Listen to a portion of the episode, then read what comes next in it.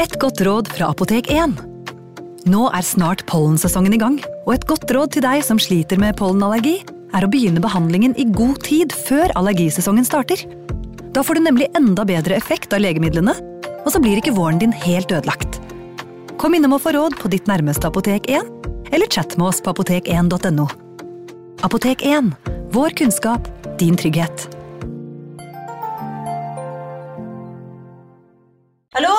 Jeg kommer fra Oslo politikammer. Ine Jansen er purk. Er du purk? The motherfucking bitch. Alt jeg vil, er å finne ut hva som skjedde med mannen min. Jon Carew. Er jeg sikta for noe? Iben Akeli. Det er du. Ole So, Lars Berrum og Big Daddy Karsten. Hvem sin side er du på, egentlig? Anette Hoff, Tone Danielsen, Kommer du fra Afrika? Jørnis Josef, Nesten kløfta. Trond Espen Seim, Det er synd å si det, men det var feil mann som døde. Purk. Premiere tirsdag på TV2 Play.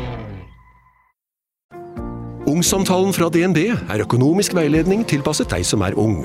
Bokk en ungsamtale på dnb.no. slash ung. Det er kjempebra hvis du skal inn på boligmarkedet, hvis det er drømmen din, liksom. Det er det du skulle sagt. Og så kunne du ropt litt mer, da, sånn som jeg gjorde. Bam! Advarsel. Denne podkasten inneholder skildringer av ekte drap og kriminalsaker som kan være støtende for enkelte. Det advares også mot sterke inntrykk i deler av episoden.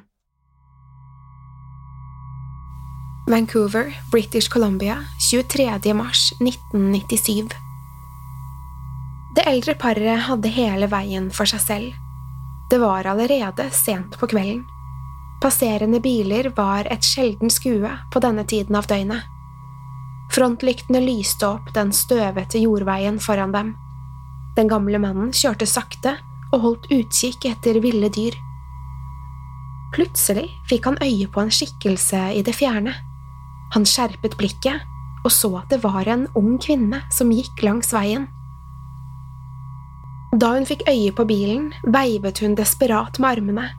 Hun var naken og fullstendig dekket av blod. Kvinnen haltet bortover og var fremdeles i store smerter.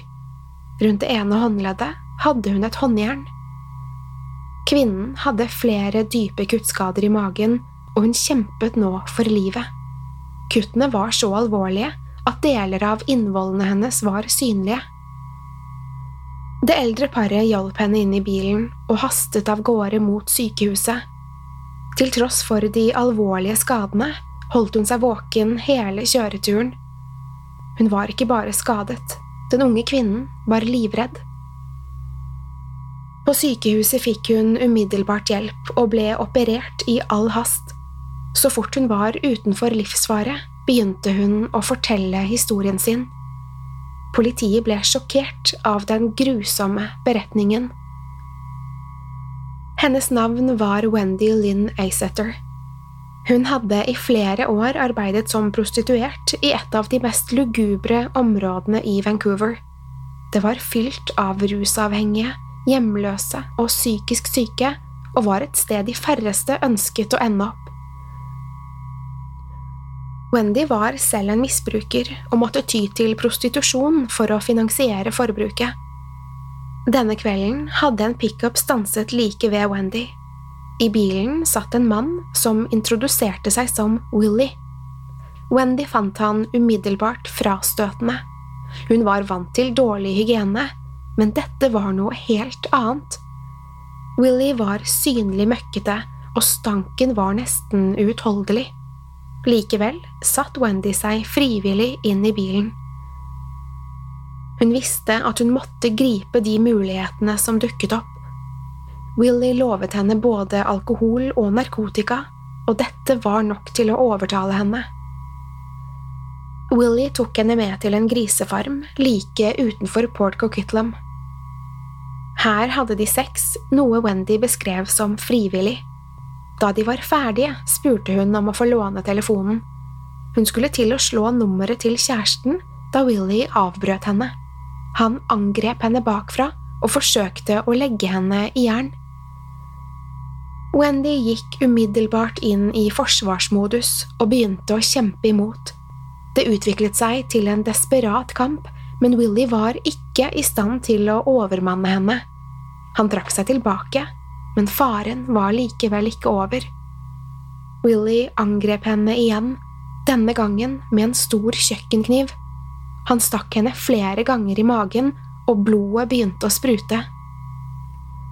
Wendy hadde ingen planer om å dø på denne måten, og fortsatte å kjempe.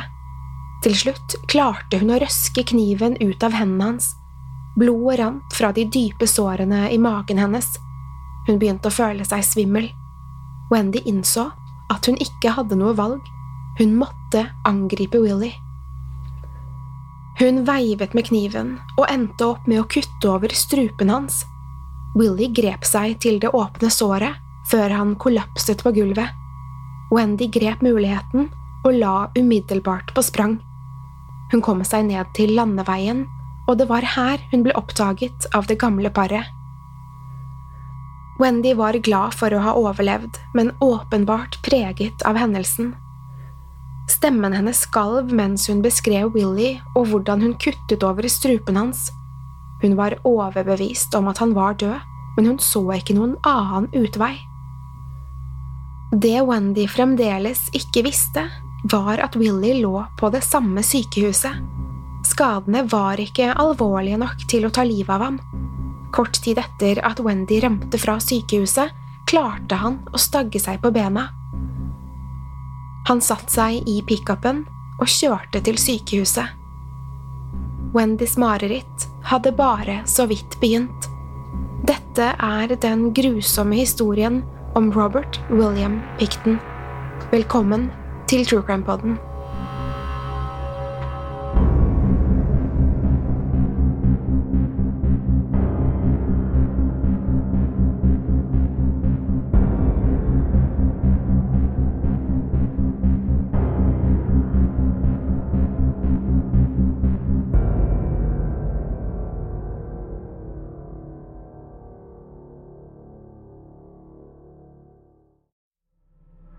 Wendy hadde lykkes i å overbevise politiet om historien sin. Hun hadde fremdeles håndjernet rundt håndleddet, og politiet fant nøkkelen i Willy sin lomme. Wendy var livstruende skadet, og siktelsen inkluderer dermed drapsforsøk. Willy het egentlig Robert William Picton og var en lokal grisebonde. Han ble beskrevet som en stille og tilbakeholden mann som ikke hadde noe tidligere rulleblad. Sammen med broren driver han Piggy's Palace, et slags festlokale som holdt til på grisefarmen. Dette hadde etter hvert blitt et populært tilholdssted. Wendy var åpenbart livredd for Willy og endret fremtoning da hun oppdaget at han fremdeles var i live. Hun nektet derfor å vitne mot Willy i frykt for å terge ham ytterligere. Til tross for overveldende bevis måtte likevel påtalemyndighetene la Willy gå. Dette hadde kanskje vært utfallet, uansett hva Wendy hadde gjort. Politiet stilte nemlig spørsmål ved hennes vitnesbyrd. Wendy var tross alt både narkoman og prostituert, mens Willy var et respektert medlem av samfunnet. De slet derfor med å ta historien hennes seriøst. Willy kunne dermed forlate sykehuset uten noen videre konsekvenser. Tragisk nok var ikke dette første gang en prostituert kvinnes uttalelse ble avvist av politiet. I løpet av en toårsperiode hadde det forsvunnet 21 kvinner fra området. Ingen av disse hendelsene hadde noensinne blitt undersøkt. Hver gang ble samme unnskyldning tatt i bruk. De forsvunne var bare prostituerte, narkomane og hjemløse, og politiet nektet å etterforske sakene. Inntil det var åpenbart at noe kriminelt hadde funnet sted, vurderte de sakene som unødvendig bruk av politiets ressurser. De hevdet at disse kvinnene antageligvis bare hadde forlatt området frivillig.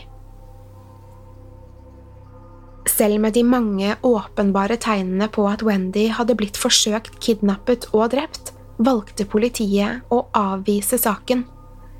Willy Picton kunne dermed returnere til sitt gamle liv.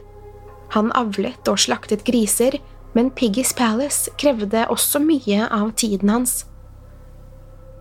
Willy hadde arvet grisefarmen fra sine foreldre, og dette hadde alltid vært hans hjem. Grisene vandret fritt rundt og dro med seg søle rundt i huset. Foreldrene hadde ikke brydd seg om at boligen ble transformert til en svinesti. Willy hadde måttet jobbe på gården siden han var en liten gutt. Det var hardt arbeid og ble gjerne prioritert over andre aktiviteter. Willy fikk stort sett bare lov til å gå på skolen et par ganger i uken som følge av den store arbeidsmengden. Da han først dukket opp, ble han mobbet av de andre barna. Han var alltid skitten, og det stinket av klærne hans. Willy følte seg alltid dum og ble frustrert av at han lå bak de andre elevene. Han begynte stadig oftere å skulke, før han til slutt droppet ut av skolen som 16-åring. Det var vanskelige forhold for en ung gutt, og foreldrene gjorde ikke det lettere for ham. Faren var nemlig bestemt på å forberede Willy på livets brutalitet. Willy hadde spart pengene sine og gått til innkjøp av en liten kalv. Willy ble veldig glad i denne kalven og behandlet den som et kjæledyr. Dette ble raskt hans eneste kilde til kjærlighet og varme. Faren likte ikke det han så.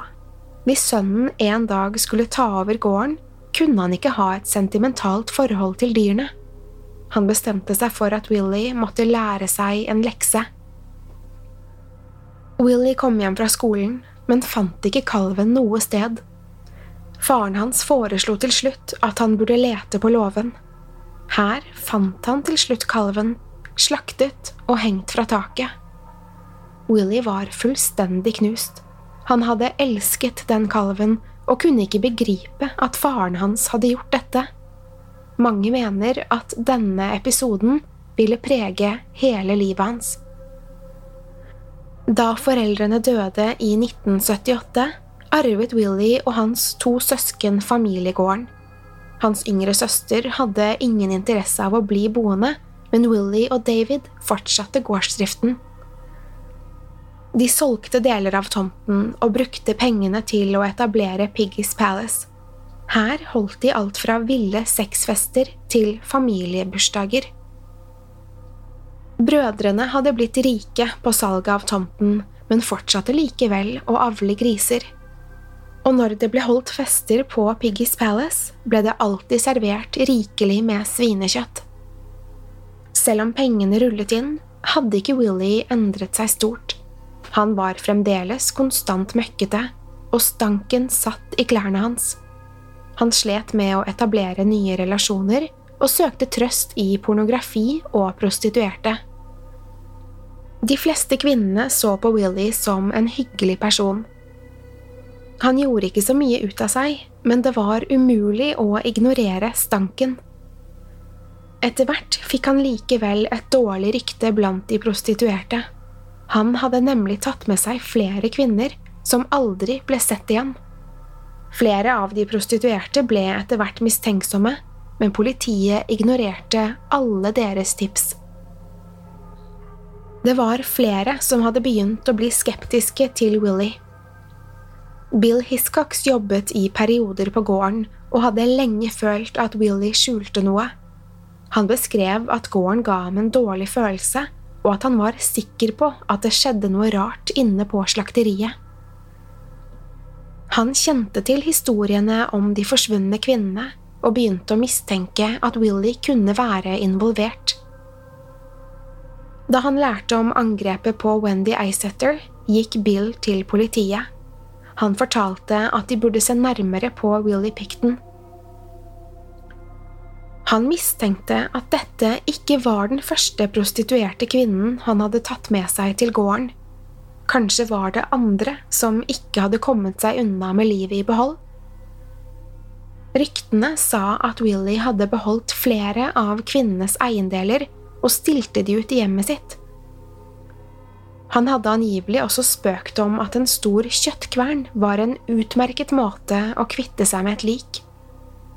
De fleste hadde tatt dette som et forsøk på svart humor, men Bill hadde følt seg uvel. Han fryktet at Willy hadde servert menneskekjøtt på Piggy's Palace. Denne gangen tok politiet kontakt med Willy. Han nektet for alle anklagene, men inviterte dem til å undersøke gården. Nok en gang valgte politiet å stole på Willy. De så ingen grunn til å besøke slakteriet. Bills påstander hørtes uansett ut som sprø rykter. Det fortsatte hele tiden å komme nye anklager mot Willy Picton.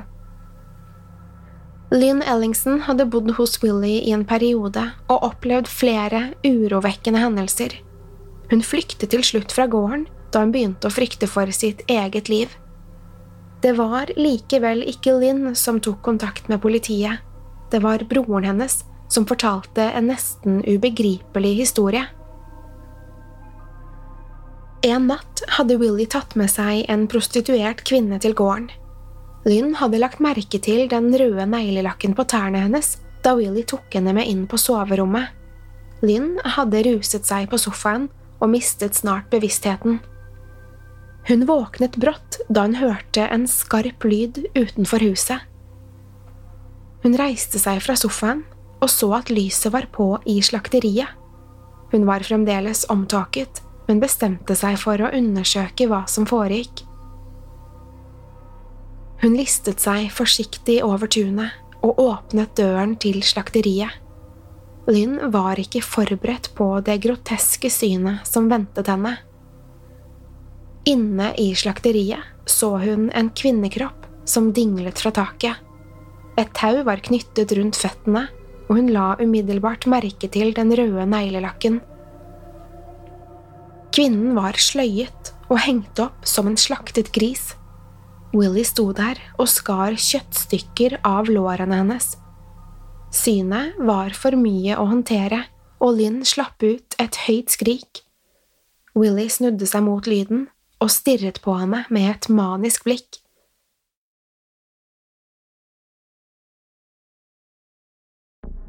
Hun sverget at hun ikke ville fortelle hva hun hadde sett. Hvis hun bare fikk noen kontanter og noe å ruse seg på, lovet hun å ikke tyste på han. Overraskende nok lot Willy henne gå. Politiet lyttet til den groteske forestillingen, men visste ikke hva de skulle gjøre med denne informasjonen. Det virket nesten som en skrøne, gjenfortalt av en bekymret bror. Dersom Lynn hadde stått frem selv, kunne de kanskje hatt noe å gå på, men hun nektet fremdeles å snakke. Selv om politiet hadde ignorert forsvinningene i flere år, ble det etter hvert vanskelig å la det ligge. Det kom stadig flere bekymringsmeldinger fra prostituerte og etterlatte, og historiene begynte å spre seg i samfunnet. Etterforsker Kim Rosmo ble etter hvert overbevist om at det gikk en seriemorder løs i området. Han så nemlig et åpenbart mønster i de mange forsvinningene. Han fryktet at det var én person som sto bak alle disse drapene. Det var åpenbare grunner til å mistenke dette. De antatte ofrene var alle prostituerte og hadde forsvunnet fra et lite geografisk område. Det var grunn til å vurdere dette som en mulig fremgangsmåte for en seriemorder. Kim Rosmos teorier ble raskt avvist av de andre etterforskerne. Han nektet likevel å la dette ligge. Han var overbevist om at det var en større sammenheng. Han lot seg frustrere av den totale mangelen på omtanke for disse kvinnene. Rosmo fortsatte å jobbe med denne saken, til tross for utallige advarsler. Ledelsen lot seg frustrere og Rosmo endte opp med å bli degradert fra sin stilling. Familie og venner av de forsvunne kvinnene hadde likevel fått et lite håp. Stadig flere mennesker uttrykte sin frustrasjon over politiets slette arbeid. De krevde at en etterforskning ble iverksatt før enda flere kvinner forsvant. Kampen deres bar endelig frukter da det ble lansert en innsatsstyrke i januar 2001. Denne gruppen skulle jobbe spesifikt med saker som involverte forsvunne kvinner. Innsatsstyrken ble umiddelbart nedringt av bekymrede mennesker. Flere fortalte om deres desperate søken etter sine kjære, som sporløst hadde forsvunnet. Det var stadig ett navn som dukket opp – Willy Picton. Selv om tipsene fortsatte å strømme inn, skulle det ta over et år før politiet undersøkte Willy. Det var heller ikke de mange bekymrede innringerne som ledet dem til grisefarmen. Det var til slutt et tips fra en lastebilsjåfør som vekket mistanken deres. Han hadde gjort en leveranse på gården og ringte inn en bekymringsmelding til politiet. Lastebilsjåføren mente at Willy kanskje var i besittelse av ulovlige våpen. Den 6. februar 2002 ankom endelig politiet Grisefarmen. De ble umiddelbart sjokkert av tilstanden på boligen. Alt var skittent og dekket av møkk. Da de åpnet døren, ble de møtt av en ubegripelig stank. De lette i utgangspunktet etter våpen, men fant snart noe annet som fanget deres oppmerksomhet. I søket oppdaget de nemlig en inhalator. Den var skrevet ut til en kvinne som hadde forsvunnet et år tidligere. For første gang ble Willy sett på som mistenkt i en forsvinningssak. Etterforskerne fikk dermed ordnet en ny ransakelsesordre. De begynte snart å lete etter noe som kunne koble Willy til de andre kvinnene. Politiet fant snart en rekke nye bevismaterialer. De oppdaget nemlig klær, sko, smykker og andre personlige eiendeler som hadde tilhørt ulike kvinner. Politiet fortsatte å søke gjennom den gigantiske tomten. Det var over 40 mål med flere bygninger, grisebinger og skraphauger. De tok utallige DNA-prøver og samlet inn tusenvis av potensielle bevis. Dette skulle bli til den største kriminaletterforskningen i Canadas historie. Funnene ble stadig mer grusomme.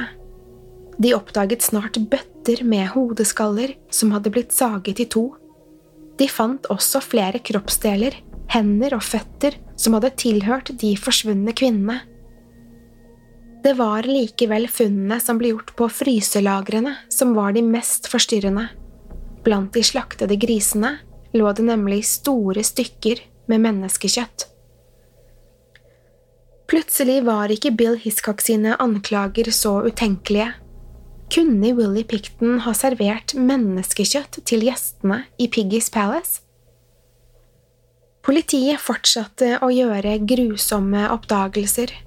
Da de undersøkte jordsmonnet i grisebingen, fant de hundrevis av beinfragmenter.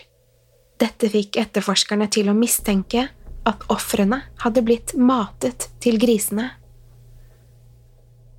Willy Picton ble snart arrestert og siktet for drapet på to av de forsvunne kvinnene. Samtidig fortsatte politiet den omfattende etterforskningen. Søkene på gården skulle ta nesten to år, og i denne perioden ble det oppdaget DNA-rester fra 33 ulike kvinner.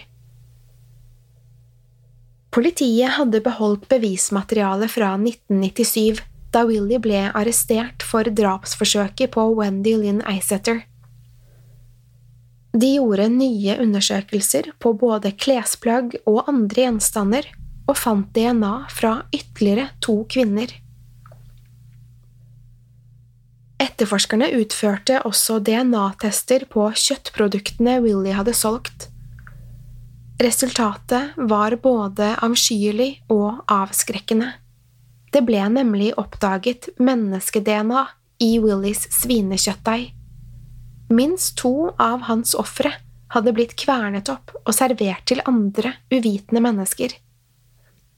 Undersøkelsene av kjøttkvernen bekreftet også denne mistanken. Det var uvisst om Willy selv hadde spist sine ofre, men det var ikke lenger noen tvil om hvor likene hadde endt opp. Funnene ledet helsevesenet til å sende ut en advarsel til befolkningen. Svinekjøttdeigen fra Willys grisefarm hadde mest sannsynlig vært i kontakt med menneskekjøtt. For mange innebar dette at de uten å selv vite det, hadde konsumert menneskekjøtt. Willy hadde alltid vært en gavmild nabo og delte ofte ut kjøtt han hadde til overs. Han hadde tidligere skrytt av at kjøttkvernen var den perfekte måten å kvitte seg med et lik, det viste seg nå at han snakket av erfaring. Bevisene mot han var overveldende, men Willy fortsatte å nekte for drapene. Han endte riktignok opp med å forsnakke seg til en sivil politimann som utga seg for å være en innsatt i fengselet. Willy innrømmet samtlige drap, men antydet at han hadde ønsket å drepe 50 kvinner. Mange tror at han endte opp med å ta livet av så mange som 49 kvinner, men han ble til slutt siktet for 27 drap. Antallet døde antas å være langt høyere. Willie Picton står igjen som en av Canadas aller verste seriemordere. Det er fremdeles mange spørsmålstegn ved hans fremgangsmåter. Han rettet seg åpenbart mot prostituerte og brakte dem til gården, hvor han så la dem i jern. Hva han så gjorde med sine ofre, er ikke like klart. Det antas likevel at han voldtok dem før han kvalte dem til døde. Deretter tok han dem med til slakteriet, hvor han sløyet sine ofre og kvernet opp kjøttet. Det er uvisst om dette først og fremst ble gjort for å kvitte seg med liket. Kanskje var slaktingen også noe som tente han. Detaljene i drapene ble lenge holdt unna offentligheten. De var så groteske og sjokkerende at de ønsket å skjerme Vancouvers innbyggere. Det antas at han begynte å drepe rundt 1991 og fortsatte helt frem til sin arrestasjon. Tiltalen var så omfangsrik at rettssaken måtte deles opp. Willy sto dermed tiltalt for seks drap i en rettssak som skulle vare i nesten to år. Den 27. desember 2007 falt dommen. Willy Picton ble funnet skyldig i forsettlig drap fordi juryen tvilte på hans evne til å planlegge mordene. Han mottok likevel den strengeste straffen tilgjengelig da han ble dømt til livstid i fengsel.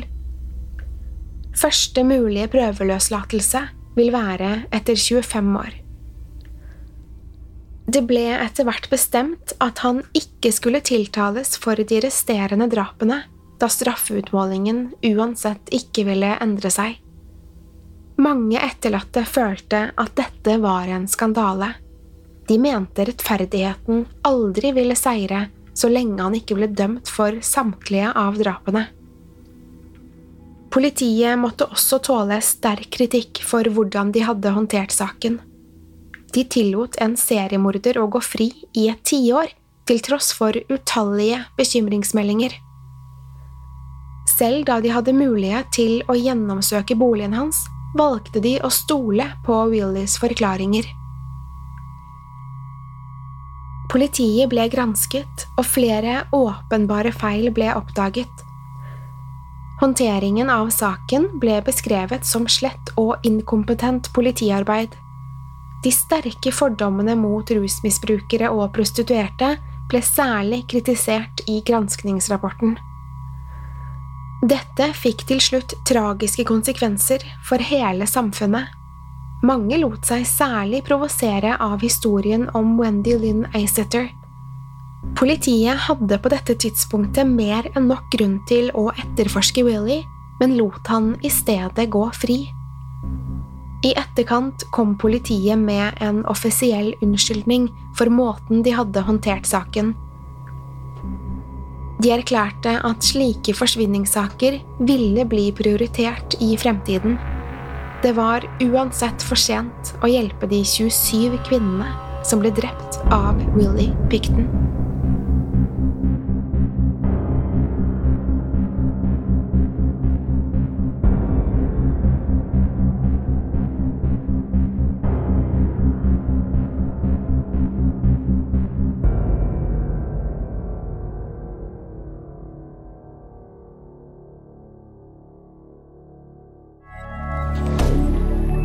Media. Har du et enkeltpersonforetak eller en liten bedrift? Da er du sikkert lei av å høre meg snakke om hvor enkelt det er med kvitteringer og bilag i fiken, så vi eh, gir oss her, vi. Fordi vi liker enkelt. Fiken superenkelt regnskap. Hei! Takk for at du lytter til True Crime Podden. Skulle du ønske at du kunne høre en ny episode av denne podkasten hver eneste uke? Vel, da er det bare å laste ned podkastappen Untold med en gang. I tillegg til ukentlige episoder av podkaster som Skrekkpodden, Synderne og Henrettelsespodden, får du masse annet reklamefritt og eksklusivt innhold. Last ned Untold i AppStore eller Google Play, og start din 30 dagers prøveperiode i dag.